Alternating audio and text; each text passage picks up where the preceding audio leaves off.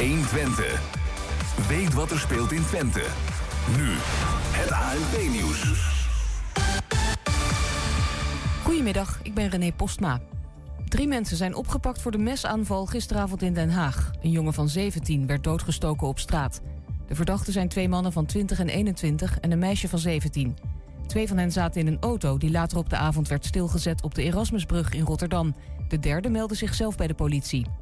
Er liggen alweer minder coronapatiënten in het ziekenhuis. Het aantal is gedaald tot net boven de 2500. Bijna 200 bedden zijn afgelopen week vrijgekomen. Op de intensive care liggen er voor het eerst in weken minder dan 800. De instroom van nieuwe patiënten daalt ook en ligt nu op het laagste peil sinds eind maart. Een lange file op de snelweg bij Doetinchem van zeker 100 trekkers... die een stukje meereden met de spelersbus van de Graafschap. De ploeg is onderweg naar Amsterdam voor de wedstrijd tegen Jong Ajax. Als de Graafschap vanavond wint, spelen ze volgend jaar in de eredivisie. Op de viaducten van de A18 stonden ook veel fans. Het kan zijn dat het coronavaccin van Pfizer effect heeft op fillers in je gezicht. Er zijn een paar gevallen gemeld van mensen met opgezwollen lippen en andere zwellingen na de prik. Het geneesmiddelenbureau EMA doet nog verder onderzoek, maar adviseert Pfizer nu al om de bijsluiter te updaten. Het weer, af en toe zon, een stevige noordwestenwind en 10 tot 15 graden. Vannacht is het rond 0 graden. Morgen regen en 13 tot 17 graden. Zondag een stuk warmer, tot 25 graden met kans op onweer. En dat was het ANP-nieuws. Ik, Hendrik Jan Bukkers, mag de winnende bedrijfslogan van de streektaalmaand meer bekendmaken. Hij komt van het Kappershuis in Wieën. En geet zo. Het Kappershuis in Wieën. Voor het nettere kap- en snoeiwerk halen we het bij ons mooie keunenmerk. 1 Twente. Weet wat er speelt in Twente. Iedere dag praten we hierbij over alles wat er in Twente gebeurt. Via radio, tv en online. 1 Twente. Een zeilkamp in Hengelo dat eh, toegankelijk moet zijn voor alle jongeren, arm en rijk, staat onder druk. En Zondag is de dag van liefde voor moeders, waar de commercie slim op inspeelt. Wij vragen de Enschede'ers, is moederdag te commercieel geworden? Een UT-onderzoek komt mensen met prikangst tegemoet. In de toekomst moet het mogelijk zijn om te prikken zonder naald. En we bellen met Twentenaar Jan Boven in Italië. Hij zit als ploegleider van Jumbo-Visma midden in de Giro die morgen losbarst. Het is vrijdag 7 mei en dit is 1 Twente vandaag. Dat we inkt op papier kunnen printen, dat weet iedereen. Dat we huizen kunnen printen is sinds kort ook bekender geworden. Maar Merel van der Stelt neemt de 3D-techniek naar een nieuw level. Met geprinte armen en benen helpt ze arme mensen in Sierra Leone letterlijk weer op de been. Haar afstudeeronderzoek aan de Universiteit Twente is zo praktisch relevant dat ze er afgelopen week zelfs een eh, Voice Award mee won en 1000 euro. Merel, goedemiddag. Hoi Niels. Ja, gefeliciteerd. Eh, geprinte armen en benen. Ik ben ontzettend benieuwd hoe dat allemaal werkt. En ook vooral in zo'n land als Sierra Leone. Straks daar nog veel meer over. Maar eerst even die Voice Award. We hebben een foto van de uitreiking. Wat is dat voor prijs? Ehm, elk jaar wordt de Voice Award uitgereikt aan de meest klinisch relevante technisch geneeskundige onderzoek. En ehm, ja, ik ben ontzettend trots, maar dit jaar ben ik dat geworden. Ja, wauw. Er waren tien uh, genomineerden. En dat zijn allemaal mensen die dan dus technisch geneeskunde hebben gedaan. Een soort van mengeling tussen techniek en geneeskunde, zoals het ook zegt. Ja, precies. Wij, uh, ja, wij, wij, proberen zowel de brug te slaan tussen de techniek en de zorg. Dus we doen veel onderzoek naar de medische apparatuur in het ziekenhuis bijvoorbeeld. Jij hebt een uh, bijzonder onderzoek gedaan. We noemen dat al even geprinte armen en benen. is dat nieuw? Um, nou ja, in Nederland wordt het wel um, wordt steeds meer gedaan in de orthopedie. Dus het maken van protheses voor mensen die amputaties hebben. Um, maar in minder ontwikkelde landen, zoals Sierra Leone, wordt dat eigenlijk nog bijna niet geprobeerd, uh, niet, niet gedaan. En, en, wij zijn aan het kijken van ja, kunnen we deze technologie inzetten om zo goed goedkoop mogelijk protheses te maken voor de mensen die, uh, ja, die, die dat nodig hebben daar. Nou, dat, dat daar zit denk ik een dingetje, dat goedkope. Want ik neem aan dat het maken van protheses normaal geen hele goedkope klus is. Um, nou ja, het probleem in Sierra Leone is, is dat de materialen voornamelijk heel erg duur zijn. Dus we hebben moeite om dat uh, te importeren. En dat er heel erg weinig mensen zijn die protheses kunnen maken. En het mooie is van 3D-print is dat we eigenlijk het hele proces kunnen automatiseren. Dus het is minder handarbeid. Um, En omdat we dus, zeg maar, om het proces een beetje uit te leggen, als wij een prothese maken, dan scannen wij eerst. Dus met een 3D-scanner. We hebben, een, we hebben, voordat je daarover... We hebben daar een aantal foto's van, uh, Merel. Dan kun je ons er doorheen praten oh, van dat proces. Neem ons oh, even ja, mee. dit is een leuke foto. Kijk, dit is T-Roy. T-Roy die is, um, is een lokale fysiotherapeut daar. En die is dus een ster geworden in het uh, 3D-scannen van... Uh, ja, van ja, dus 3D-scannen van stompen, zeg maar. Mm -hmm. En hij maakt dus hier een 3D-scan. En vervolgens importeren we die in de, uh, in de computer en maken we daar een 3D-ontwerp van. Een design, daar hebben we ook een plaatje van. Een 3D-printer. Ja, kijk, dit is, uh, dit is het ontwerp. En op dit moment doe ik dat nu nog. Maar ons doel is dat, dat we dit dus daar gaan automatiseren. Dat ook de lokale mensen in Sierra Leone dat kunnen doen. Want het lastige is in Sierra Leone dat over het algemeen veel mensen niet zo heel erg goed met computers kunnen werken. Um, dus we willen eigenlijk het hele proces automatiseren. Dus dat we scan importeren, de scan wordt automatisch gemaakt en dat je die dan kan 3D printen. Ja, en dat, dat zien we hier dan in een ruimte waar uh, zo'n, uh, ja, eigenlijk een prothese in een 3D-scanner tot stand komt. Gewoon laagje voor laagje wordt opgebouwd eigenlijk. En dan hebben we nog een, een foto van, uh, van iemand die zo'n scan draagt, of zo'n, ik bedoel zo'n scan, zo'n prothese draagt. Dat is deze vrouw. Um, ja, voor deze vrouw hebben we een prothese gemaakt. Um, zij had eerder had zij een oude, prothese. Dus we, ik heb eigenlijk acht mensen heb ik afgelopen jaar hebben we een prothese gegeven. En veel daarvan die hadden helemaal geen prothese. Dus die lopen eigenlijk gewoon met krukken. Maar deze vrouw die had wel een oude prothese, maar die was helemaal gebroken en de voet lag eraf. Dus hebben we voor haar deze nieuwe prothese gemaakt. En ja, wat ze eigenlijk zei van ja, hij is veel lichter. Dus dat vond ze heel erg fijn. En wat ook vaak gebeurt is dat mensen een prothese dragen. Zeg maar, kunnen, het probleem is dat die prothesen zijn in, in Sierra, Le Sierra Leone relatief duur. Dus mensen kunnen dat niet betalen. Dus of ze hebben geen prothese en lopen dus met krukken. Of ze lopen, kijken of een oude prothese van iemand anders die misschien is overleden. Of die dan misschien past. Mm -hmm. Nou, je kan je voorstellen dat dat niet echt optimaal is. Nee, nee. Als die, als die nou eenmaal is geprint en, zo, en je draagt hem, dan moet je er ook nog mee oefenen. Hè? We hebben daar nog wat, wat beelden van, uh, van, van een man die, die ermee... Want dan, dan ben je er bijna, maar je moet hem nog leren dragen eigenlijk. Goed dat je dat zegt. Um, kijk, het maken van zo'n prothese is één ding. Maar ik denk dat dat eigenlijk nog ineens uh, het makkelijkste of het moeilijkste deel, onderdeel is van het hele proces. Want als iemand uiteindelijk een prothese moet je er natuurlijk ook goed mee op leren lopen. Mm -hmm. En dat is al een hele uitdaging in Sierra Leone, want eigenlijk uh, leren de fysiotherapeuten niet om patiënten weer opnieuw te leren lopen. En het film, de man die jullie net zagen op het filmpje, die had al meer dan twintig jaar niet gelopen. Dus je kan je voorstellen, die heeft eigenlijk in dat been dat geamputeerd is helemaal geen spieren meer. Dus dat is een ongelofelijke klus om zo iemand weer uh, ja, de eerste stappen te leren te zetten. Dat is een van de, van de vele uitdagingen waar je ook in Sierra Leone mee, mee te maken kreeg. Dan misschien laten we even naar dat land uh, gaan. Jij kwam daar als technisch geneeskundestudent en dacht van, nou ja, protheses maken, uh, we gaan eens even kijken. Maar dat begon al met de uitdaging dat daar eigenlijk acht mensen in de rij stonden die ze voor je hadden ja, verzameld bijna. In Sierra Leone zijn veel meer mensen met die armen of benen missen dan hier in Nederland? Ja, een uh, hele hoop meer. Ja, Sierra Leone is een van de minst ontwikkelde landen uh, op deze wereld. En omdat de gezondheidszorg niet zo goed is, uh, en ook veel mensen eigenlijk niet zijn opgeleid, niet kunnen lezen en schrijven, ja, is de gezondheidszorg eigenlijk heel slecht. En daar komt bij dat mensen heel erg arm zijn. Mensen verdienen daar misschien 1 à 2 dollar per dag, als ze dan al iets verdienen. En als je dan nagaat dat een lokale prothese ongeveer 150 euro kost, of 150 dollar, zoiets, mm -hmm. dan kunnen mensen dat helemaal niet betalen. En, eigenlijk, ja, en, en daarnaast zijn er bijvoorbeeld in Sierra Leone veel meer traditional healers dan echte doktoren. Um, Wat zijn dat dus voor dat mensen? betekent dat als iemand... Wat, traditional healers bedoelt u? Ja? Um, nou ja, die, die genezen eigenlijk op een traditionele wijze. En die geloven in, in, het, in, in, in, in het geloof van God. En dat het daardoor uh, uh, probleem, zeg maar, dat het, het medisch probleem wordt opgelost. Een soort medicijnmannen. Maar uh, ja, en, en, en ook wond, zeg maar, wonden worden geheeld met kruiden. En ik zeg niet dat alles wat die traditional healers doet, dat dat slecht is, helemaal niet. Maar dat komt wel vaak voor dat mensen kiezen om eerder naar zo'n traditional healer te gaan dan naar een echte dokter. En in, in sommige gevallen gaat het dus helemaal fout. Ik had bijvoorbeeld één jongen, en, en dat is een ongelooflijk tragisch verhaal, was een jongetje van zeven. die was uit een mangoboom gevallen.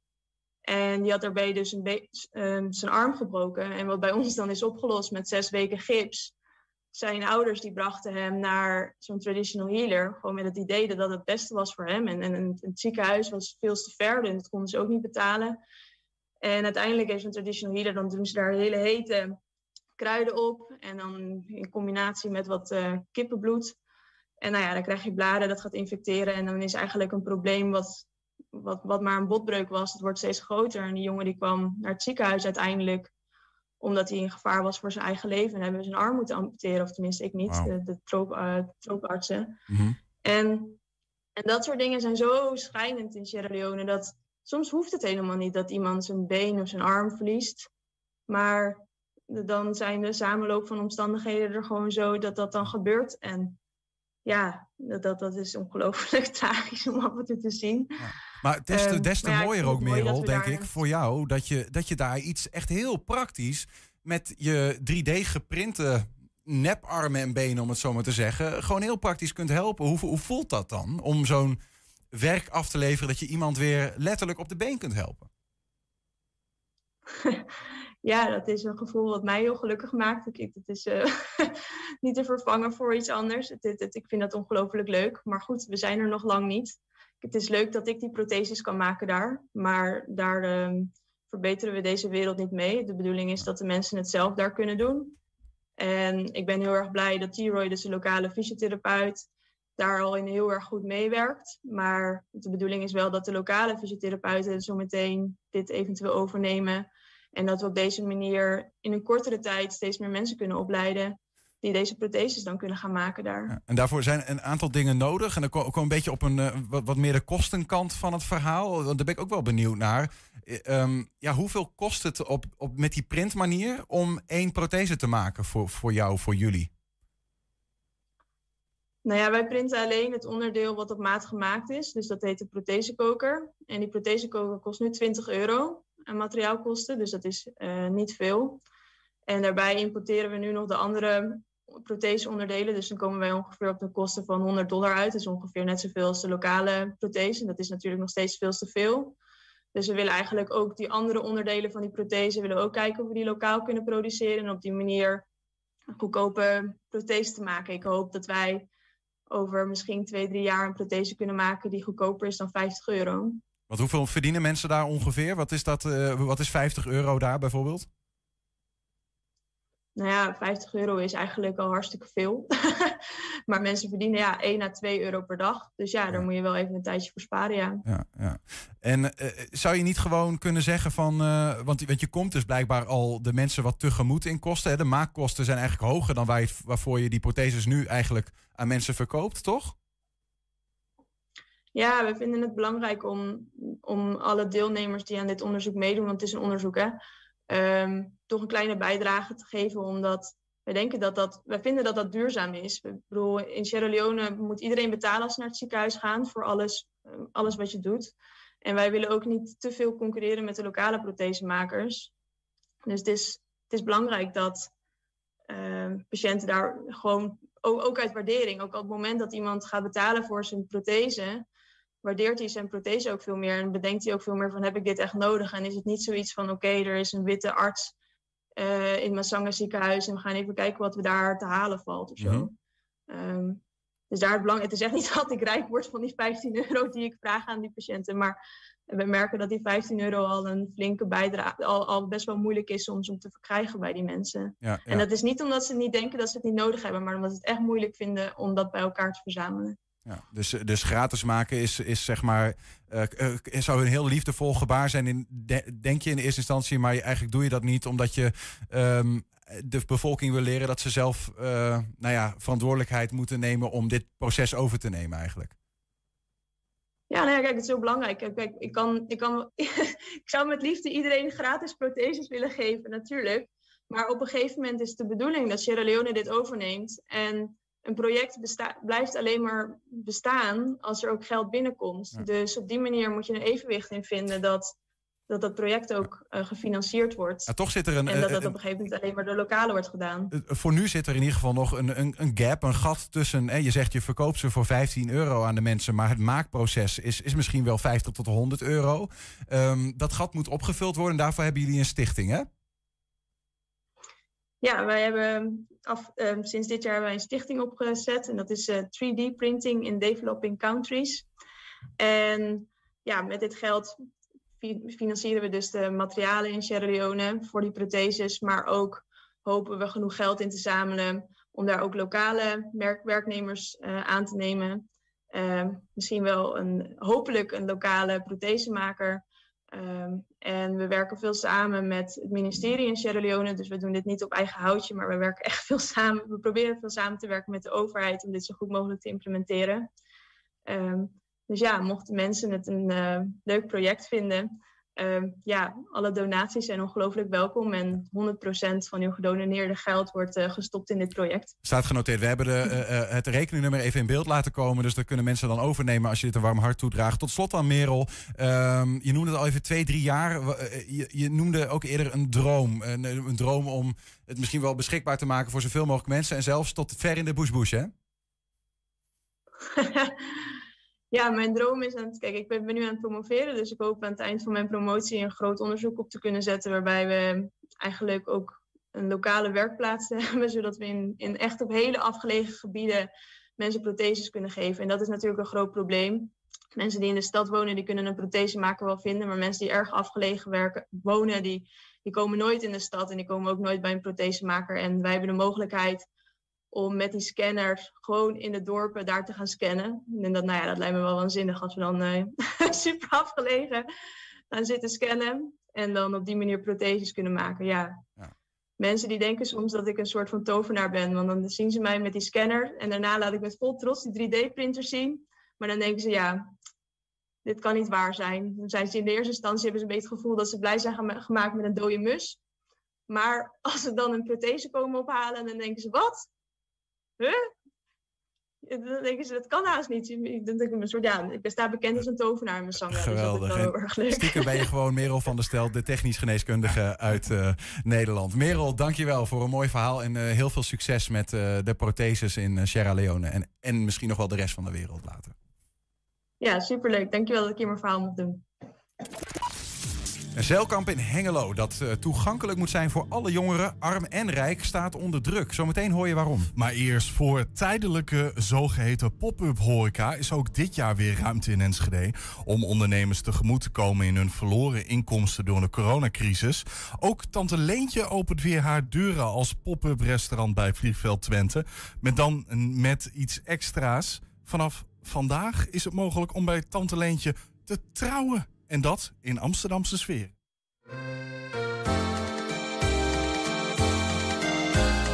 We vinden ons hier nu bij Tante Leentje, een co-productie die wij samen doen met Vliegveld Twente. Succes vorig jaar, uh, we missen het heel erg. En we hopen dat we heel snel uh, weer open mogen, maar uh, we wachten al. Aangezien heel veel dingen niet mogen, maar we hier in onze beleving een fantastische, unieke locatie hebben... hebben wij bedacht om misschien Tante Leentje nog iets verder te vermarkten naar een pop-up trouwlocatie. Hoe leuk is het om ja te zeggen in Mokumse sferen, zoals je hier een beetje ziet, uh, bij Tante Leentje. Waarom Amsterdam? Amsterdam is gezelligheid, Amsterdam is het feestje, Amsterdam is zijn wie je bent. Nou, en uh, dat vertaalt zich in deze uh, ruimte in elkaar team. Ik zou het doen, denk ik, maar ik ben nog getrouwd. Uiteindelijk komen al deze spullen van uh, een bedrijf uit Maarsen... die al deze requisieten verzamelt. Van de oude perskleedjes tot de oudste lampen. Tot de, sommigen zouden kunnen zeggen het is troep, maar het is fantastisch. Als je daar loopt in Maarsen, het is een snoepwinkel voor de verzamelaar. Wij gaan hier alles doen volgens de coronaregels. de eerste maand zal het nog geen Walhalla zijn. Een huwelijksvoltrekking kan natuurlijk fantastisch als je daar kijkt. Ook met het aantal mensen wat we willen. Dus wij wachten gewoon op enige versoepeling... zodat we de deuren van Tante Leentje als restaurant open kunnen stellen. Ja, en voor huwelijksvertrekken kan het bij wijze van spreken morgen al. Of bruidje zo snel plannen smeden, weet ik niet. Maar uh, you never know. Ja, het ziet er wel heel cool uit, hè Niels? Dat klopt, ja. ja ik ben benieuwd of het eerste bruidspaar zich al heeft gemeld daar. Ja. Dan het jaarlijkse zeilkamp van Stichting De Ruime Wind in Hengelo moet toegankelijk zijn voor alle jongeren. Ongeacht hun financiële situatie. Maar om het kamp laagdrempelig te houden, heeft de organisatie wel vrijwilligers nodig. En die komt de stichting nu tekort. Er wordt vooral gezocht naar zeilinstructeurs om de jongeren en kinderen te kunnen begeleiden. Bij ons in de studio is bestuurslid Gerard de Horst. Gerard, goedemiddag. Goedemiddag. Is zo'n zoektocht ieder jaar standaard of is dit uh, nieuw? Nou, het uh, komt wel elk jaar weer. Uh, want je hebt toch een stukje verloop van vrijwilligers. En aangezien dus zeg maar, vorig jaar helemaal geen zeilkampen zijn geweest, dus ja, dan is het verloop nog veel groter. Omdat de vrijwilligers uh, die vorig jaar anders zou zijn, zijn aangehaakt, zeg maar, die zijn er nu ook niet. Dus je hebt echt nee. twee jaar achterstand. Ja, precies. Ja. Dus, en daar moeten we nou uh, ja, heel veel uh, moeite voor doen om die zeilinstructeurs ja, binnen te halen. Zijn die moeilijk te vinden hier in Twente? Ja, dat is toch wel heel moeilijk. Dus we hebben hier geen water natuurlijk, dus dat Nee, de, we hebben geen vriezen meer hier. Nee. Dus, nee, het is gewoon de zeg maar, zaak dat je dus, zeg maar, netwerkt. En uh, ik heb uh, bijvoorbeeld uh, netwerken met Harry Evers van Lions Hengelo. Die brengt mij dan weer in contact met de jachtclub van Deventer. En die meneer die heeft mij vanmorgen gebeld en die heb ik hem ook wat informatie gegeven. En zodoende dus, maar, gaat hij ook weer bij zijn deelnemers, dus maar, bij zijn zeilers en zeilinstructeurs, mm. kijken of hij iets voor ons kan doen. Want als je het hebt over jachtclub, ik zit er niet zo heel goed in hoor, maar dat, dan denk ik al gauw aan Monaco-achtige miljoenenjachten. Wa, wa, wat voor een zeilkamp is dit? Waar zijn het, wat voor een zeilboten vaar je mee? We varen met open valken. Dus het is een, een zeilboot van ongeveer 15 meter lang. Daar kun je dus zeg maar, met een instructeur in en vier uh, kinderen. Zeg maar. En dan ga je zeg maar niet mee op open water de zee op, maar gewoon op een meertje een dagje varen. Ja, op de Friese meren. Ja. Dus zeg maar, daar gaan we een dagje varen. Dan uh, gaan we een plaatsje bezoeken. Dan gaan we dat leuke dingen doen. En dan gaan we weer naar zelf weer terug naar de accommodatie. Hoe lang hebben jullie die kampen al? Hebben we ongeveer 40 jaar. 40 jaar. En de, en de gedachte achter zo'n kamp, want er gaan van allerlei jongeren gaan mee. Wat, wat, wat gebeurt er allemaal tijdens zo'n kamp? Nou, wat er gebeurt is zeg maar, dat uh, de jongeren die uh, slapen in uh, de accommodatie. Dus die hebben s'avonds natuurlijk geweldig feesten. Dat is natuurlijk wel heel leuk. Maar overdag dus, zeg maar, dan is het gewoon s'morgens ontbijt. Dan maken de instructeurs die maken een plan waar ze naartoe gaan zeilen. Mm -hmm. Dan gaan die kinderen die tuigen de boot op. Gaan het water op. Bezoeken een plaatsje en gaan weer terug. En s'avonds dan is er eten. En, dan, dan, is er weer feest. En dan is er weer feest. Dus maar voor het feest is nog eerst corvée. Dus uh, dat is soms ietsjes minder feest. Ontkom je nooit aan, hè? Nee, ja. precies. Nee, maar daarna is s'avonds dus zeg maar, het avondprogramma. En dat is gewoon uh, hartstikke gezellig. En daarna gaan ze dus zeg maar, weer op tijd naar bed. Want het is best wel een uh, vermoeiende dag. Ja. En vrijdagavond is dan de bonte avond. En uh, ja, zaterdag uh, dan is het soms een, ja, een lachen en tranen en dan gaan ze weer naar huis. Ja, ja, en dat is in de vakantie neem ik aan ja, zo'n week. Ja, precies. Ja. Wat is de gedachte eigenlijk achter, um, nou ja, achter het zeilkamp? En vooral ook dat alle jongeren van, jong, of van, van rijk tot arm eigenlijk mee moeten kunnen? Ja, het is gewoon een gemaleerd uh, kamp. Dus maar iedereen die kan mee. Maar we, we richten ons dus toch wel meer op de kinderen die in armoede leven. Want dat betekent eigenlijk als bijvoorbeeld onze kinderen na de schoolvakantie weer naar school gaan. Verhalen hebben, dus zeg maar dat ze daarna naar, naar die plaats, naar vakantie zijn geweest, leuke dingen hebben gedaan. En kinderen die in armoede leven, ja, die hebben dus zeg maar geen vakantie gehad. Dus die vallen eigenlijk tussen de wal en het schip. En dat is eigenlijk heel, ja, dat uh, trokken uh, wij ons als bestuur of oprichtend bestuur toen aan. En wij hebben ons dus zeg maar, daarvoor ingezet voor kinderen van 11 uh, tot en met 17, om die dus zeg maar een hele leuke vakantie aan te bieden. En soms een onvergetelijke vakantie. Ja, is, waar, waar uitzicht dat in, dat die vakantie onvergetelijk wordt? Noem eens wat verhalen die je ja, eigenlijk met elkaar maakt tijdens zo'n week. Ja, dat, dat, uh, dat kinderen dus zeg maar, elkaar uh, treffen en uh, ja, elkaar bijvoorbeeld aardig vinden. En, en er zijn dus zeg maar, zelfs nog ja, huwelijken uit voortgekomen. en zelfs nog weer kinderen zijn daaruit voortgekomen. Dat is een hele andere jacht die plaatsvond. Ja, dat klopt. ja. ja, ja. ja. Ja, geweldig zeg. Ja. En, is het dan ook, want 40 jaar, dan, dan, zie je ook wel eens dat de kinderen die ooit meevoeren, uh, later zich als vrijwilliger melden. Gebeurt dat ook? Dat ja. ze denken van ja, ik moet hier gewoon mijn eigen steentje ja, bijdragen? Ja, en we proberen wel, want er zijn bijvoorbeeld kinderen die gaan van 11 tot, tot en met 17 mee. Dan, uh, dan houden we die dus zeg maar in de gaten totdat ze een jaar of 18 zijn. En dan vragen we hun dus zeg maar, als vrijwilliger als zeilinstructeur. Of dat ze misschien wat uh, animo hebben om in de keuken uh, te helpen. En dan worden ze dus bij ons dus zeg maar weer vrijwilliger. Maar ja, je ziet wel na 40 jaar, dan krijg je wel wat verloop. Mhm. Want er zijn bijvoorbeeld nou mensen die zijn net zo oud als ik. Ja, en die gaan niet uh, mee mee. Nee. Ik ga zelf nog wel mee, maar dan gewoon als, uh, om in de keuken dan, uh, te koken. Want het is gewoon hartstikke leuk om voor 40 of 50 man te koken. En dan, als je dan trouwens toch nog die waardering van die kinderen krijgt... en dat ze het hele week lekker hebben gegeten, ja, daar, daar doe je het gewoon voor. Hoeveel kinderen gaan er mee op zo'n kamp? Ongeveer tussen de 32 en de 36. Ja, heb je dan nog uh, moeilijkheden, want je zit met elkaar op een boot. Uh, het is coronatijd. Uh, is Ja. dat nog lastig deze zomer? Ja, ik denk dat dit deze, deze zomer wel lastig wordt. Dus zeg maar, de, de deelnemers, dus zeg maar, de kinderen, die mogen in de accommodatie eh, slapen. Maar eh, de instructeurs en de algemene leiding, die moeten dus zeg maar, buiten de accommodatie slapen. Dat is gewoon een regelgeving eh, van de HISWA Rekron en daar moeten wij ons aan houden. Ja. Ook dus zeg maar, ik kook binnen, maar het uitserveren gebeurt buiten. Dus zeg maar, de tafels die dus zeg maar, binnen staan, die zetten wij buiten. Zetten wij een mooie partytent eroverheen als het slecht weer is. En dan moeten die kinderen dus zeg maar, buiten eh, eten. Aan de andere kant zou je er misschien van dromen dat er zoveel zeilinstructeurs zijn dat je met elkaar zo hutje-mutje zit dat het een probleem wordt. Of niet? Want je hebt, je hebt ze nodig. Je bent Ja. op zoek. Ja, we zijn op zoek. Ja. Dus, en, en het lukt best wel. Dus eh, ik zit wel eh, eh, te netwerken dan in, in Utrecht. Daar heb ik een mevrouw die mij daarbij bij helpt. En dus zeg maar ook in Deventer ben ik nu eh, bezig. Maar hangt het er ook echt op? Zeg maar, is, het, eh, is het de vraag of het wel door kan gaan vanwege die zoektocht? Hoe, hoe ernstig is de zoektocht? Het gaat wel door, dus zeg maar met het aantal vrijwilligers die we hebben. Mhm. Dus bijvoorbeeld als we nou vier vrijwilligers hebben, dan kunnen we bijvoorbeeld 16 kinderen meer laten gaan. Mhm. Maar we doen echt ons heel, ja, ons gewoon ons uiterste best om hier en daar toch nog een vrijwilliger eh, ja, los te peuteren. En dat we trouwens toch naar 32 kinderen kunnen komen. Hoe meer instructeurs, Ja. hoe meer kinderen er Ja, mee kunnen. precies. Ja, ja. Eh, waar moeten ze aan voldoen eigenlijk, zo'n goede instructeur? Eh, ik bedoel, ik kan het denk ik niet, want ik ben één keer in zijn giethoorn wezen zeilen. En, ofwel meerdere keren, maar in ieder geval één keer gezonken met een zeilpunten. Nou, dat is heel knap, kan ik je vertellen. Is, dus eh, mij moeten ze niet vragen, maar wat moet, waar moet iemand aan voldoen? Ja, het, het algemene waar ze aan moeten voldoen, ze moeten dus zeg maar, een bootje moet ze veilig terug binnen brengen. Dus zeg maar, dat is gewoon het belangrijkste. En ze moeten gewoon een klik hebben met eh, kinderen die dus zeg maar in dat eh, bootje zitten, dat ze daar ja, gewoon leuke dingen mee doen, eh, zingen, want ze hebben ook een liedjesboek en dan gewoon echt gewoon een klik moet je ermee hebben. En dan ja, soms die instructeurs, ja, die hebben een leuk petje op en leuke schoenen op. Dus ja, dan is soms de klik tussen een meisje en zo'n instructeur is soms wel heel snel gemaakt. Dus dat is best wel leuk. Vanaf de waterkant. Ja, Ja, waar- hoe, eh, is- het ook de bedoeling dat ze de kinderen leren zeilen? Nee, nee, het is niet het doel op zich. Het doel op zich is gewoon vakantie eventjes uit hun milieu waar ze in zitten. Daar dus even maar eventjes eh, uithalen. En dat ze dus bij ons dus een hele gezellige week hebben. Mhm. En ja, dat is eigenlijk het doel. eh. Het is niet het doel Ja. van het leren zeilen. Maar er zijn er wat, ja, die hebben daar trouwens toch gevoel voor. En dat pikken wij dan als stichting dan wel weer op.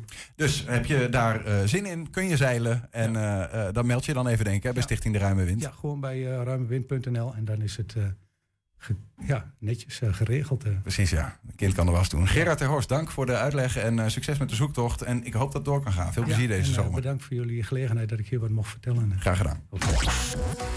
Ja, zondag is het moederdag. Een dag voor liefde voor alle moeders. Waar de commercie eigenlijk heel slim en sluw eigenlijk op inspeelt. Wat heb jij je cadeautje al binnen, Niels? Nee, mijn cadeau is liefde. Oh, geen tekening. Maakt ook allemaal niet uit. Straks vroegen wij in ieder geval de Enschede's wel.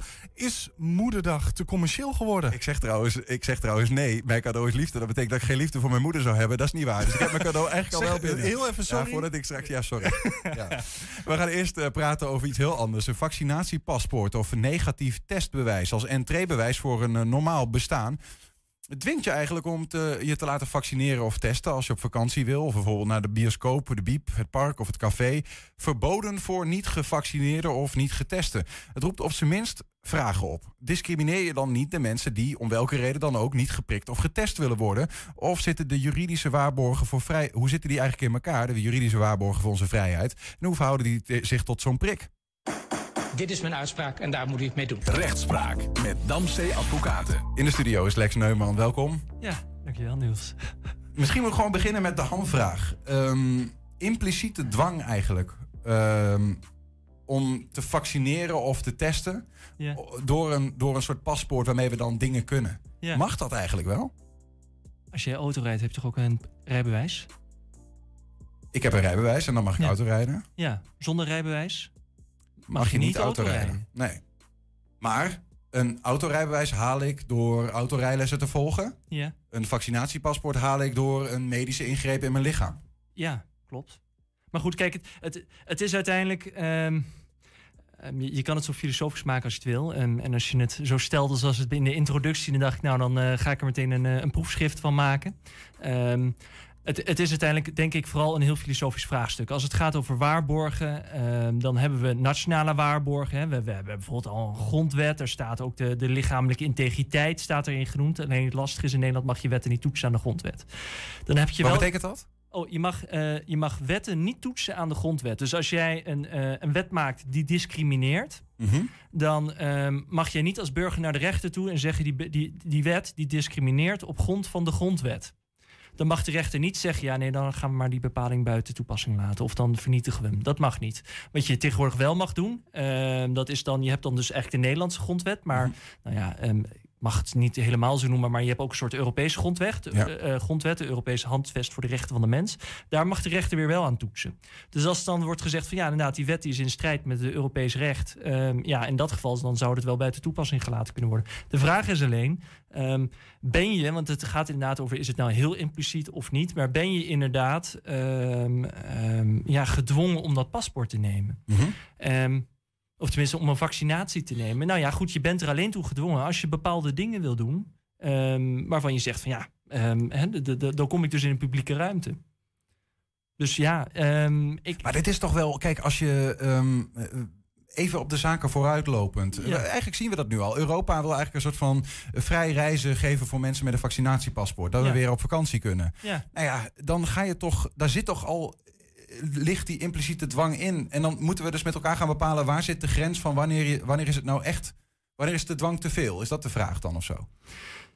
Ja, dus, maar het, het, grappige is het, is, het is uiteindelijk is het een, niet eens een juridische vraag, het is een politieke vraag. Want het is uiteindelijk is het een. ehm, het, het, het gaat hier over een afweging. Mhm. tussen ehm, noem bijvoorbeeld maar een, een recht op bewegingsvrijheid. Hè, om, en het, het recht om te doen en te laten wat je wil. Ehm, en anderzijds ook weer een, een, een recht op je, op, je, hè, op je medische, op je lichamelijke integriteit. Ja.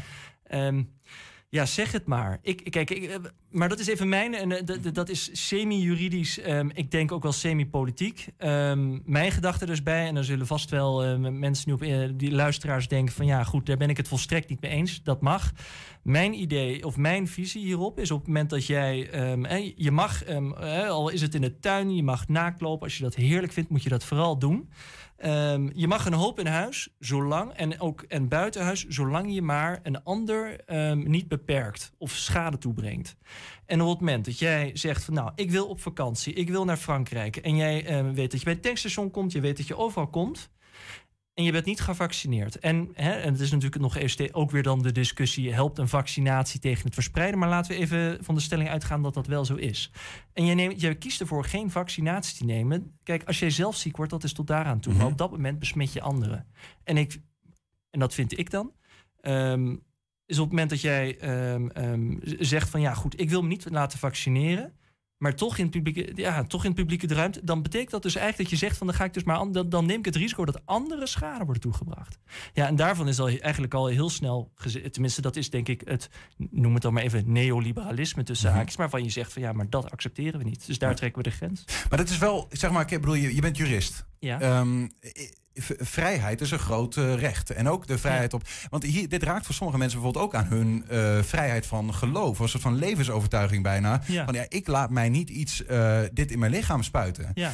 En die wordt nu tegenover de bewegingsvrijheid gezet Ja. bijna. Ja, nog, nogmaals, maar dat is dus dat is een, een, een heel filosofisch verhaal. Ehm, en Maar hoe, want, want jij zegt het is een politiek verhaal, maar dat is toch, eh, wat, wat, ik, er, wat ik ervan begrijp, hè, de, de politici in ons land, die maken onze wetten. Ja. Maar op dit moment zijn er ook wetten, zeg Ja. maar. Is, is het op dit moment, met de wetten die we nu kennen, eh, is het überhaupt, zeg maar, mogelijk? Of, ra- of, of schuurt het? Ja, d- dat schuurt. Nee, al, al, al- laat ik zeggen, als er een coronapaspoort moet komen en je wil zeggen van nou, we gaan daar ehm, en, en we willen daar ook consequenties aan verbinden als je dat bijvoorbeeld niet hebt, hè, dat je bepaalde dingen niet mag, dan moet dat in een wet. Dat kan niet anders. Dat is, ehm, eh, en dat heeft er alleen al mee te maken dat, ehm, denk maar bijvoorbeeld aan, hè, net zoals bij een normaal paspoort, maar nu gaat het om een medisch paspoort. Dat betekent dus dat er medische gegevens in staan. Dus hoe gaan we die waarborgen? Wie mag ze uitlezen? Ehm, wat gaan we ermee doen?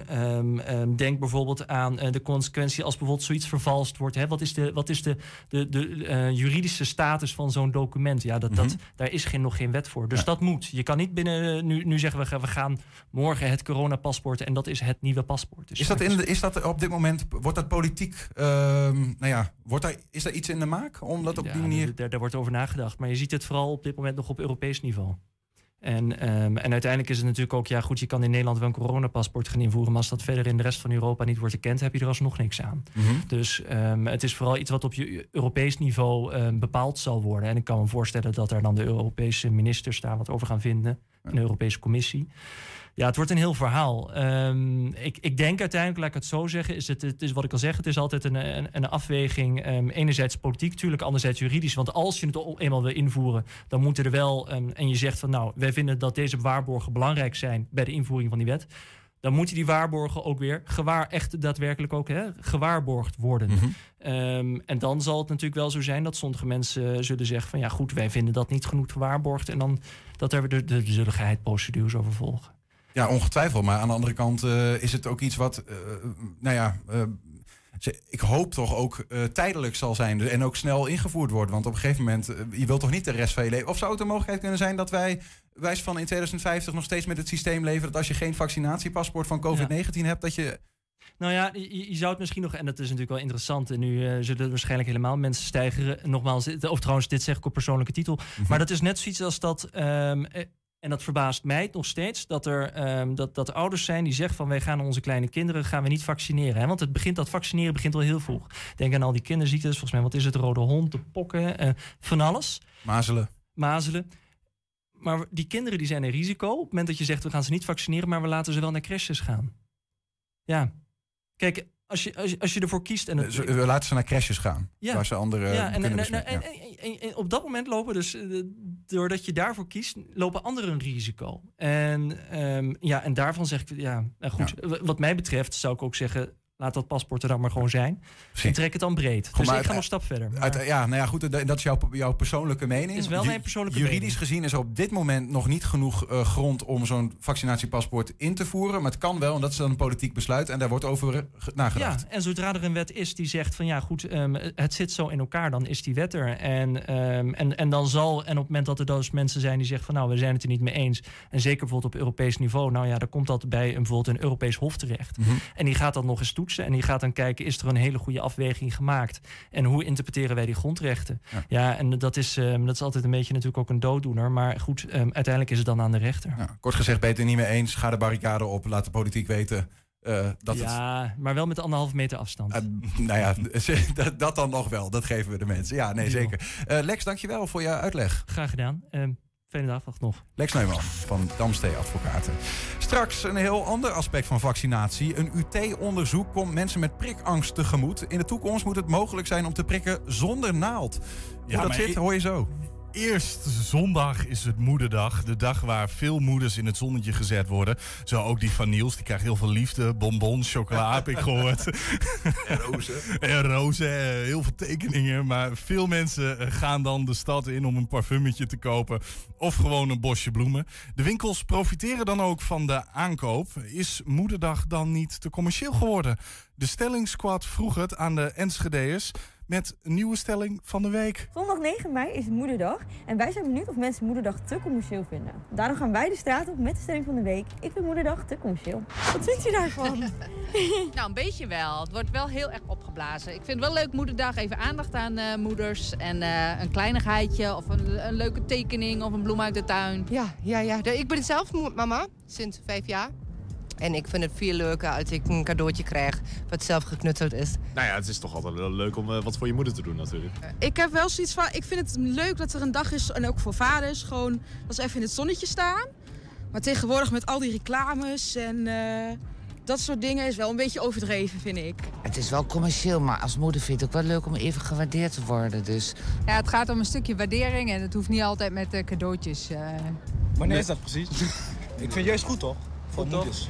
Gewoon een dagje aan je moeder denken is wel goed, toch? Je doet het elke dag, maar een keertje verwennen. Oh, Gewoon bosje bloemen op de dag zelf, toch? Ja, precies. Op zondag. Ik ben het er eigenlijk wel een beetje mee eens. Maar ik durf ook niet niks te kopen, hè. Want dat vind ik ook een beetje gemeen. Maar ja, ik vind het wel commercieel. we moeten onze moeders toch appreciëren? Eerlijk, het idee is zeg maar gewoon dat je laat zien dat je van je moeder houdt. Het gaat niet per se om de prijs of zo, van wat je wat koopt, maar gewoon dat je, je moeder, van je, om je moeder geeft. Gewoon. Ja, ik vind moederdag is een eh, dag om je moeder in het zonnetje te zetten. En als er maar één keer in het jaar is, dan vind ik dat niet zo erg. Ik, ik weet niet of het commercieel is. Ik denk dat het wel leuk is om af en toe iets speciaals voor je moeder te doen. Iets voor haar kopen, één keer in het jaar. Misschien vergeten we dat te vaak. En weet je ook wat je voor haar gaat halen? Eh, ik ga waarschijnlijk gewoon zelf even... Ik moet nog even kijken. Nee, ik moet nog wat voor mijn moeder kopen. Nee, maar ik heb een familiefotoshoot gedaan. Drie generaties. Mijn moeder, mijn dochter en ik. Ik heb net gehaald. Ik heb toevallig net wat uitgezocht van mijn dochters, dus ja, ja, ik weet het. Nou, jongens.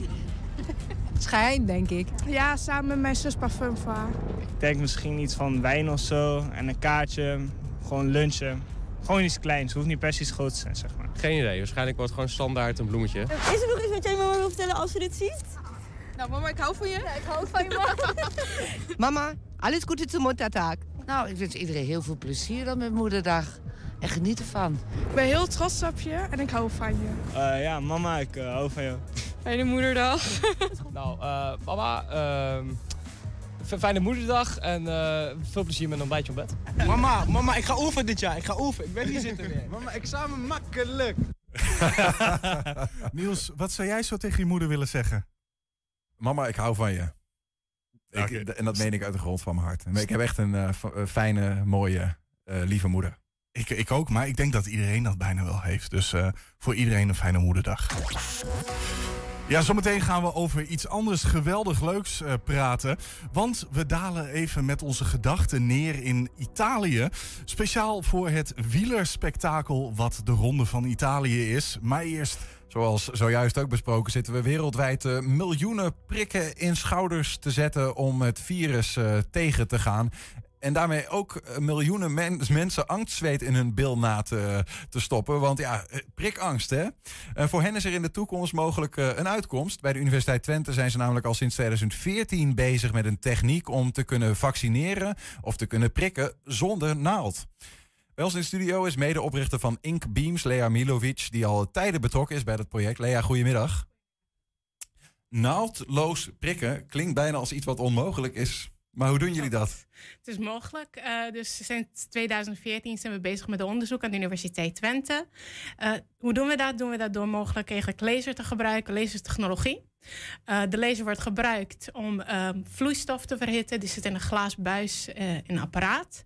Door de hitte die ontstaat, eh, ontstaat een belletje. En dat belletje zorgt ervoor dat de vloeistof of medicijn Ja. eh, naar buiten wordt geschoten eigenlijk. In een razendsnelle manier. Dat gaat heel snel. We hebben wat wat videobeelden, dan kunnen we misschien iets beter begrijpen wat je zegt. Misschien kunnen we er doorheen praten. Even kijken. Nou, dan zien we de laser inderdaad. Ehm, de laser gaat, ehm we, wees van spreken, dus een belletje of de medicijn eh, verhitten. Ontstaat een belletje. En eigenlijk zien we daar dat de belletje zorgt ervoor dat de medicijn wordt naar buiten geschoten. En dat gebeurt heel snel. Eh, 360 km per uur. En dat kan je vergelijken eigenlijk met een muggenprik. Een muggenprik die vaak voel je eigenlijk pas daarna als de mug jou heeft geprikt. Maar dat gebeurt zo snel dat wij eigenlijk verwachten dat het eh, helemaal geen pijn zou eh, doen. Je, je, je, zit eigenlijk met een laser. eh, duw je de, het medicijn de huid in. Klopt. Ja. Mm, ja, lezen en een belletje die ontstaat. En een Klopt. belletje. Fantastisch. gezegd, ja. Onvoorstelbaar. Eh, hoe kom je zo bij deze techniek? Waar, waar komt dit vandaan? Nou, mijn collega David Fernandez Rivas is bezig dus vanuit zijn eigen onderzoek aan de UT al jaren ehm, lang eh, met de wereld van bubbels. Het is een beetje een sneeuwvlak tussen geneeskunde en natuurkunde. Ehm, en eigenlijk dacht hij, zelf van goh, als wij heel veel, veel verschillende dingen kunnen doen met ultrason, met belletjes, met bubbels, eh, laten we proberen om iets anders juist te doen. En eh, die idee is bij hem ontstaan. En eh, daar doet hij al een paar jaar onderzoek naar. Dus, eh, Want welke, even, dat begrijp ik nog niet helemaal. Je hebt een laser. Welke plek heeft dat belletje dan in het verhaal? Het gebeurt allemaal binnen in dat apparaatje. Dus eigenlijk de, de belletje is de, de verhitting van de vloeistof en de medicijn bij elkaar. Ja. En daar ontstaat een belletje. Het is een belletje van medicijn en vloeistof. Ja, en, en, die, en die vloeistof met dat medicijn erin wordt door een laser pff, die huid ingepompt. Klopt. En eh, eh, gezegd, eh, ja. dit wat jullie nu al sinds volgens mij 2014 was het mee Mhm. bezig zijn. ehm, deden ze mensen dit vroeger niet ook? Want het blijft Ja. erbij dat er ook vroeger in Amerika bijvoorbeeld Mhm. ook zonder naald dit ingeïnjecteerd werd. Klopt. Eh, het manier om te injecteren zonder naald is niet nieuw. Ehm, al in de 19e, en 19e eeuw eh, werd het gedaan. In de jaren 50 ook eh, voor degenen die gingen naar de leger, naar Vietnam. Dus de massavaccinaties eh, in de VS werden dat al gedaan. Maar de methode die we nu gebruiken is echt nieuw. Wat deden ze toen dan? Want ze hadden, hadden ze ook al laser? koolapparaten en apparaten die best wel zwaar zijn, maken heel veel geluid. Wat en voor- wat voor apparaten zijn dat? Dat zijn eigenlijk ja, manier om te injecteren zonder naden, maar volgens mij noemen ze dat met een coil. Dus dat is eh, eigenlijk de term die daarvoor voor Dus eigenlijk ook een soort coil wat opgewarmd wordt en eigenlijk bijna hetzelfde doet als jullie apparaat. Zo ben ik gek als ik Nee. niet snap wat het woord coil inhoudt? Eh, Wat is Dat dat? is in het Engels. Ik, ik zou het woord niet eh, zelf weten. Ik, in ik het, ga het heel even opzoeken. Oké, maar dat was op een, op een andere manier, werd dat niet met een laser. Nee, absoluut niet. Nee. Nee, dus nee. dat is eh, nieuw. Wat, zitten er ook ehm, gevaarlijkere kanten aan? Wel, Als je de afweging, waarom zou je dit niet doen, bijvoorbeeld, met zo'n laser? Eh, gevaarlijke kanten. Ja, je zou zeggen van goh, iets dat geen geluid maakt of je niet per se ziet, eh, weet je soms misschien niet als het geen pijn doet of je geïnjecteerd bent wel of niet. Ehm, maar ja, dat, dat hopen we. Dus Maar het doet helemaal geen pijn. Je voelt dat niks. verwachten we dus dat En wel eens getest? zou doen. Nee, nog niet. Helaas mocht het nog niet. Nee. Uh, maar ja, dat, eh, die kant gaat het wel naartoe. Dus dat is onze eh, grootste droom, dat het inderdaad geen pijn zou doen. En wat we zien nu ook in de lab is dat dat de, de verwachting is. Uh, we hopen dat met elke technologie kan je het voor slechte en goede dingen gebruiken. Dus we hopen juist dat het eh, de goede kant op zou gaan. Maar dat is wel gevaar bijvoorbeeld. Aan die andere kant, als je kijkt naar de positieve punten, tackelen we eh, drie grote problemen hiermee. Eén op de vijf Nederlanders is bang voor naalden. Nou, dat is al heel veel. Eh, Eén iemand in deze ruimte bijna. We zitten hier met z'n vieren. Nou, ik moet zeggen dat ik eh, prikken echt totaal niet prettig vind. En dat ik eh, liever eh, eh, dit, dit zou hebben. Liever een laser. Liever een laser. Heel, klinkt heel raar. Maar dat, is, dat is punt één. De, eh, eh, de, Punt de- één is dus dat. De tweede is eh, voor de zorgmedewerker. Vaak zien we dat, eh, ja, dat eh, ze zichzelf per ongeluk gaan prikken. Dus eigenlijk dat je kans hebt op infecties. Eh, omdat de naalden besmet zijn of iets anders. Dus hier heb je de kans nou, vrijwel nul. Want de medicijn is wijze van spreken eigenlijk de naald die wordt gebruikt. Ehm, dus dat voorkomen we daarmee. Mhm. En eh, daarnaast, dus het derde, is 44 miljoen naalden worden gebruikt per dag. En dat is zijn voor de coronacijfers, dus voor de pandemie. Die aantallen zijn nou veel hoger natuurlijk. Dus eh, daar bespaar je ook de milieu mee. Ja. Want eh, die naalden worden niet weggegooid. Ehm, je hebt de hele recycling-achtige verhaal niet achter. En dus daar bespaar je ook de milieu mee. Quanta costa, hoeveel kost dat? Is dat, is dat, Dat is dat, is dat ook een aspect of niet? Wat, wat, Eh, dat is een beetje te vroeg, omdat eh, we zijn dus echt nu bezig met de eh, commercialisering eh, van de technologie. Mhm. Ehm, dus dat kan ik nog niet eh, echt eh, iets meer over vertellen. Maar wie weet in de toekomst, eh, ja, zouden we wel... eh, En, en- en even, stel nou dat, dat dit een, eh, jullie onderzoek eh, is een, eh, ga- gaat de goede kant op, is een succes, het lukt allemaal wat je wil onderzoeken. Wanneer is dan de eerste stip op de horizon dat je zegt van wanneer wordt die eerste prik gezet, Ja. denk je? Het hangt een beetje af van de samenwerkingen die wij momenteel hebben. Het wordt nu echt vanuit onderzoek, samenwerking en bedrijf en oprichting. Ehm, wij hopen eigenlijk met de media-aandacht in de laatste periode voor de pandemie, voor de COVID-19-verhaal, dat je eigenlijk samenwerking met grote farmabedrijven kan bereiken. En dan zie je ook veel snellere traject. Ehm, we hebben twee focusmarkten. Voor de vaccinatie van medicijnen hadden we gezegd van goh, we willen eigenlijk kijken naar de naadloos tatoeëren. Daar is de verwachting dat het eh 1 à 3 jaar zou kunnen duren. Want dat is een markt waar de, ehm, ja, het veel sneller gaat. En als we het echt over de medicijnen hebben, de medische markt, ja, dat, daar duurt het wel veel langer. Want je hebt met wetgeving ook mee te maken. En eh, daar helaas zit ook natuurlijk de politieke kant op. Dus eh, dat is, verwachting is 10 jaar. Tien jaar. Maar als we ons willen laten tatoeëren, dan kan dat mogelijk tussen Wie 1 en 3 weet, jaar ja. met een laser. Als het alles wel de, die, de goede kant op gaat. Eh, ontzettend eh, bijzonder. Ik, ik, ik vroeg me nog af, ik weet, niet, ik weet helemaal niet of je dat weet. Welke alternatieven zijn er eigenlijk nog meer? Want in mijn hoofd was het altijd heel logisch. Je hebt gewoon een, een, een, een prik en daarmee word je gevaccineerd. Mhm. Weet je dat? Welke alternatieven er nog meer zijn? Nou, dat, dat weet ik niet. Maar ik denk dat ehm, het hangt ook een beetje van welke behandeling. Is dat de prikken voor vaccinatie of is dat een andere? We, we zeggen ook met onze technologie kan je niet alle naalden in de wereld. Ehm, laat maar zeggen, we- wegschuiven van de kant. Je hebt sommige behandelingen waar een naald voor echt nodig is. Het hangt ook een beetje met de diepte in de huid die je wil bereiken. Is dat eh, heel, best wel op de oppervlakte van de huid? Of hebben we het echt over de, de diepere eh, lagen in de huid? Dus de spieren bijvoorbeeld. Maar ik, ik begreep ook bijvoorbeeld dat de pleistervaccinatie eh, dat dat bestaat. Ik weet niet of er nog meer van dat soort gekkige... Want ja, laservaccinatie, misschien is het, kan nog wel gekker. Ben je daarvan op de hoogte? Eh, nee. Nee, nee. In ieder geval komt die laservaccinatie komt er dus aan. Eh, vaccineren over, over misschien, als het er komt, komt het er over tien jaar pas, denk jij? Schat je in? Of sneller, wie, Wie weet sneller. Dat ligt een beetje aan mensen die meedoen met in dit verhaal en geld, denk ik, en zo. Hè? En tatoeëren al eerder. Ontzettend bedankt voor, voor de uitleg Ja, van een bijzonder bedankt. verhaal.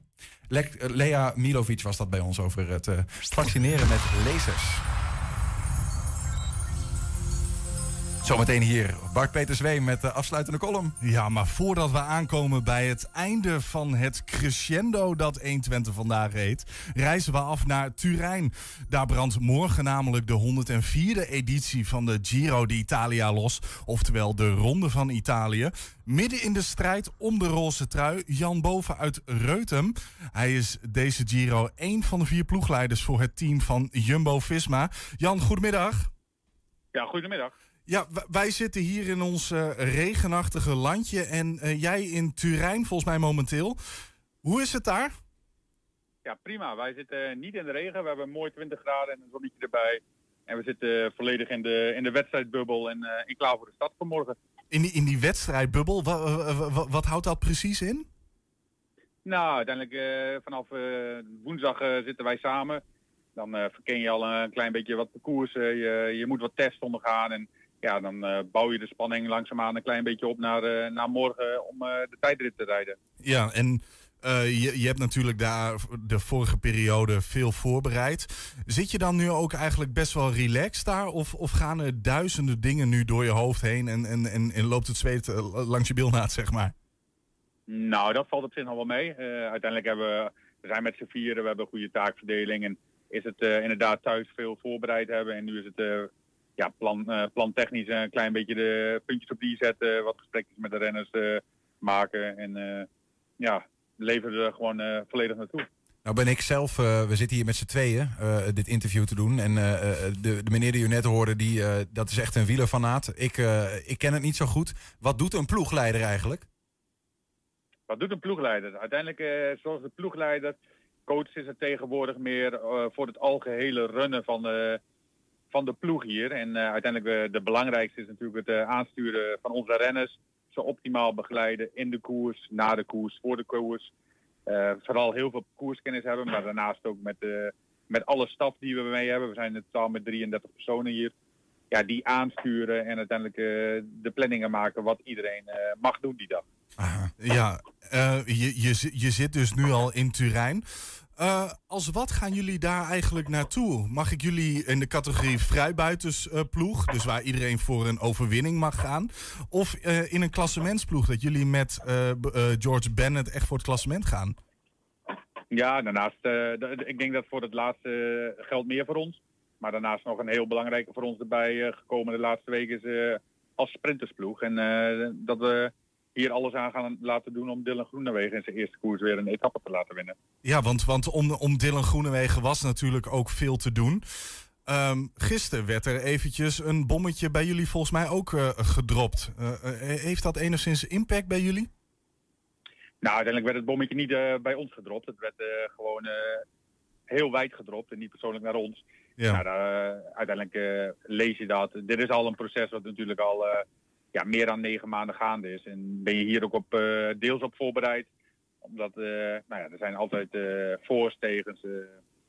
en daar, dat weten we en daar hebben we met Dylan hele goede plannen voor gemaakt. En, Wat is het bommetje? Want ik, ik, ik, zit er nogmaals, er wordt een bommetje gedropt in de wielerwereld. Want Dylan Groenewegen had iets te maken met die, met die clash, met die andere wielrenner, geloof ik, hè? Ja, dat klopt helemaal. We hebben vorig jaar in Polen een grote zware valpartij gehad. Waar Fabio Jacobs in het wiel van Dylan eh, gevallen was. Waarvan Dylan eh, uiteindelijk eh, iets meer richting rechts ging en Fabio geen plaats meer had. En daar heeft Dylan negen maanden schorsing voor op zitten nu. En uiteindelijk ja, begint zijn weg naar, naar de wedstrijden vanaf morgen weer. Ja, want als jij nu naar dit parcours kijkt, jij hebt ongeveer zes kansen. Hoeveel procent gaat hij? We, we weten natuurlijk dat het iemand is die vrij snel naar 100% gaat, maar staat hij er ook een beetje zo voor? Ja. En George Bennett ook? Ook 100%? Ook, ja, ja die, eh, die is, eh, ik denk dat George op zijn allerbest is. Eh, dat is ook een van de weinige kansen dat George als kopman echt in een grote ronde. Normaal hebben we met Steven Kruiswijk of Primoz Roglic wel wat mensen. Ja. En dat George zijn rol wat meer op de helpende rol was. En, de- en nou, hij gaat nu echt als kopman hier van start. En eh, heeft daar ook eh, vanaf eh, de winter ook helemaal naartoe geleefd. eh, naar dit eh, moment. En, en wat, eh, je, je hebt natuurlijk nog één renner erin zitten. eh, dat is Tobias Vos, een Deen. Ehm, je hebt eh, de afgelopen twee jaar de Tour... Tobias is, eh, of- Tobias is trouwens een Noor, Noor. Eh, de, je hebt de Tour de l'Avenir. Daar, eh, je hebt de Tour de l'Avenir. Er zijn de afgelopen twee jaar de winnaar van de, de, een grote ronde vandaan gekomen. In Bernal en in Pogacar. Hoe, hoe staat hij ervoor? Mag hij ook voor zijn kansen gaan? Ja, uiteindelijk mag hij niet voor zijn kansen gaan zoals George. Eh, alleen hebben we wel hetzelfde traject met Tobias doorlopen. Ook qua hoogtestage, qua wedstrijdvoorbereiding, qua planning. En zal hij, hij is nog heel jong en uiteindelijk ook zichzelf mogen ontwikkelen. Hij heeft vorig jaar in de Giro hele mooie dingen laten zien. Dus daar, zit zeker, eh, daar hebben we zeker een lange termijn eh, planning mee. En eh, gaat Tobias ook in de ontwikkeling mee. En die, die moet ook zo lang mogelijk bij George kunnen blijven. Ja, en dan misschien ter afsluiting. Een geel tenue of een roze tenue? Nou, uiteindelijk zitten we nu in de Giro, dus we gaan nu voor een roze nu. Oké, staat dus genoteerd. En dan eh, hopen we over 21 dagen hier weer te spreken met eh, een eventueel roze truitje erbij. Jan Boven, ploegleider van Jumbo-Visma. Hartstikke bedankt en eh, succes de aankomende tijd. Geen dank, tot ziens. Julian? Ja? Ik heb nog een brandende vraag. Wat dan? Want er staat nog steeds open. Je had het over een bommetje dat werd gedropt. Ja? Wel- Welk bommetje gaat er nou over? Want dat die Dylan, die kwam in, Dat weten we volgens mij allemaal nog. Dat hij tegen die... eh, dat hij in botsing kwam met Fabio. Ja. En die eh, ging de hekken in. En dat was een dikke crash waar echt iedereen nog op het netvlies Ja. staat. Van die dacht allemaal, die jongen is dood. Dat was een jaar geleden. Mhm. Die jongen leeft nog. Maar wat is nou precies het bommetje? Het bommetje wat precies is gevallen is dat Fabio Jacobsen eh, daarin werd gezegd eh, dat Dylan Groenewegen het goed had gemaakt. Eh, dat had Dylan Groenewegen zelf aangegeven bij de collega's van de NOS. Bleek dat gisteren op Instagram, Twitter en alles Fabio Jacobs heeft gezegd... ja, maar dat heeft hij zeg maar nooit gezegd. Hij heeft nooit zijn excuses aangeboden. Hij heeft niet gedaan wat hij heeft gezegd in de media. En het heeft hem verbaasd dat dat dus in de media gezegd werd. Eh, en het gesprek wat tussen hun twee was, was vertrouwelijk. Had hij ook niet naar buiten mogen brengen. En eh, vandaar dat de spanningen weer hoog oplopen eh, in het wielerpeloton. Dus ze hebben een vertrouwelijk gesprek gehad. En, dat en is daarin, uiteindelijk... daarin, daarin is nooit sorry gezegd. En, Correct. En, en Dylan Groenewegen heeft tegen de media gezegd... ik heb sorry gezegd. En hij had überhaupt niks over het gesprek mogen zeggen. Ja, daar, daar heb jij gelijk in, Niels. Hij had het eigenlijk niet mogen doen. En hij heeft blijkbaar nooit 100% sorry gezegd. En dat ligt eh, in het Nederlandse wielercircuit aardig gevoelig nog. Oké, nou ja, dan, dan weet ik dat ook weer. Want ik dacht even van... eh, ik was ontzettend benieuwd naar die bom. Ja, Dan nee, ja eh, eh, we kunnen altijd nog doorgaan in, eh, in de crescendo, wat 120 vandaag heet, met eh, Bart Peetsveen, want die is hier inmiddels aanwezig. Hallo Bart. Hij mag de crescendo afmaken dan. Hoe, hoe, Ja. hoe zeg je 90% sorry? Ehm is even... Sorry. Sorry. Nou ja, ik denk als Niels dat tegen mij zegt, sorry. Nee, Niels. sorry, so- sorry kent eh, vijf letters. Dat is elk 20% Dus het 90% eindigt dan op de helft van de Y. Dat vind ik moeilijk. Dat vind ik nog moeilijker. Nee, nee, ik vind wielrennen nog maar. Ik heb er totaal geen verstand van. Dus ik hoor jullie erover praten. En dan ben ik zo iemand die zegt knipper, knipper. Ja, Niels En, dus eh, ook. Dat is het leuke eraan. Ja, en daarom probeer ik de onderste steen boven te krijgen over Je die had, bom. mij, je had mij mooi voor de gek gehouden. Ik denk, die man is volledig wielen. Je keek, maar die blik die mijn kant op kwam, was eigenlijk gewoon een lege blik van help mij. Kun je alsjeblieft met column Je beginnen? wil niet weten hoe vaak ik met mensen praat en dat ik kijk met een blik van eh, dat ik denk van ik begrijp precies waar je het over hebt. Terwijl in mijn hoofd denkt, ik begrijp helemaal niet waar je het over hebt. Maar dat, dat is dus wat wij op de redactie nog wel eens 's hebben. Dan vertel ik wat over wielrennen. Want ja, je moet het toch ergens kwijt. En tegenwoordig luistert niemand meer naar mij. Dus als mijn moeder luistert, dank daarvoor. maar Niels die kijkt me dan zo glazig aan. Dan denk ik, oh ja, het gaat er weer over. Nou, het, is, het is trouwens wel zo, eh, dat het gebeurt wel eens dat iemand hier aan tafel zit en dat er dan een onderwerp wordt besproken wat eh, bijzonder lastig is. En als er dan iemand aan tafel zit die, nou ja, niet uitblinkt in het kunnen goed kunnen uitleggen van dingen. Dat ik wel eens denk, ja, ja, je zegt iets en ik wil wel een we- doorvraag stellen, maar ik weet echt niet eens precies waar ik moet beginnen. Maar eh, ja, dat word je wel beter in, moet ik zeggen. Om dan toch te zeggen, wacht even, leg het nog een keer uit. Wacht even, als jullie blijven zitten, haal ik een drankje op alvast. Want dat is toch vrijdagmiddag. Ja, dat, het lijkt altijd inderdaad. Vrijdagmiddag begint het hier al een beetje. Dus nou ja, dat is. eh, Maar ja. la- laten we dat drankje eventjes zo Ja, meteen ja, doen. dat doen we zo meteen. Voor, en niet voordat Bart zijn column naar de mensen heeft gebracht. Bart Peter Zweem. Je moet het toch ergens kwijt. Ja. Eh, beste luisteraar, dit was de week van doden herdenken, van vrijheid vieren en een week van wat controverse. Waarom controverse? Nou, vanwege een poster eh, van onder andere Forum voor Democratie die de vrijheidsinperking tijdens de Tweede Wereldoorlog koppelt aan de vrijheidsinperking tijdens corona. Forum voor Democratie vindt de onvrijheid van de Tweede Wereldoorlog gelijk aan de onvrijheid van de coronacrisis. Niet op een terrasje kunnen zitten is minstens net zo erg als bloembollen eten in een hongerwinter.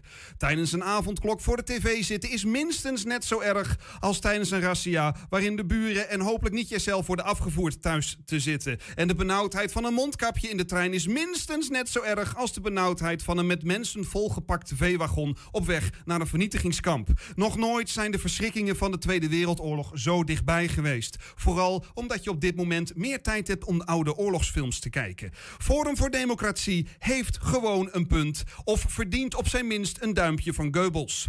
Tenminste, ik denk dat als Thierry ermee wegkomt om de bestrijding van een virus te vergelijken met een tijd van jodenvervolging en zo impliciet joden een virus noemt, dat dat de nazi-propagandaleider een heel goed idee had gevonden.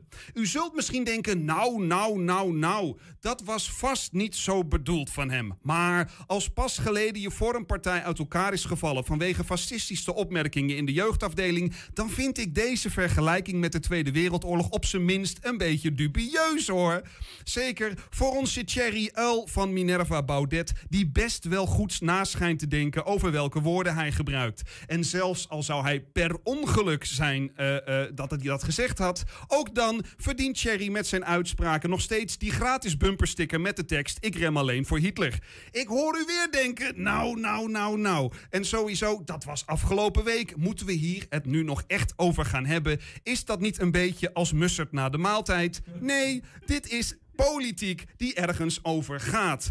Beter dan Rutte die weer eens iets vergeten is. Thierry is tenminste een politicus met visie. Een verdacht rechtsextremistisch lijkende visie, maar toch. Zijn coronamaatregelen inderdaad net zo erg als jodenvervolging? Denkt hij dat echt? Laten we het daar vooral wat langer over hebben. Dat is boeiende politiek, al is het wel een beetje zielig dat we dan misschien te weinig aandacht hebben voor bijvoorbeeld 50 plus. Want 50 plus, ah, zielig hè. 50 plus heeft de coronacrisis niet overleefd. Ze hebben ruzie gekregen met hun enige Kamerlid. Stel je voor, je hebt een bedrijf met één werknemer en daarnaast één machine. En die ene machine is persoonlijk eigendom van die ene werknemer. Dan zou ik toch denken dat je die medewerker wel te vriend probeert te houden. Nee hoor, niet bij 50 plus, of laat ik liever zeggen 50 min. Trouwens, over mensen die uit een partij stappen gesproken. Bij Forum voor Democratie heeft de tweede man al afstand genomen van die net besproken vrijheid-vergelijkingsactie. Wie weet stapt hij ook wel uit zijn partij. Lijkt me prachtig. Want dat is nou een voorbeeld van politieke vrijheid. En juist Forum zou moeten weten dat bijvoorbeeld de vrijheid om uit je politieke partij te stappen vorig jaar helemaal niet weg is geweest. En daarmee eindigen we 120 vandaag. Terugkijken, dat kan direct via 120.nl. En vanavond om 8 en 10 uur zijn we ook nog eens op televisie te zien. Zometeen, ik weet, het is vrijdag, maar er is alsnog een gloednieuwe versie van de kettingreactie met Henk Ketting. Wij wensen u in ieder geval een fijn weekend en tot volgende week. 120. Weet wat er speelt in Twente. Nu, het ANP-nieuws. Goedemiddag, ik ben René Postma. Drie mensen zijn opgepakt voor de mesaanval gisteravond in Den Haag. Een jongen van 17 werd doodgestoken op straat. De verdachten zijn twee mannen van 20 en 21 en een meisje van 17.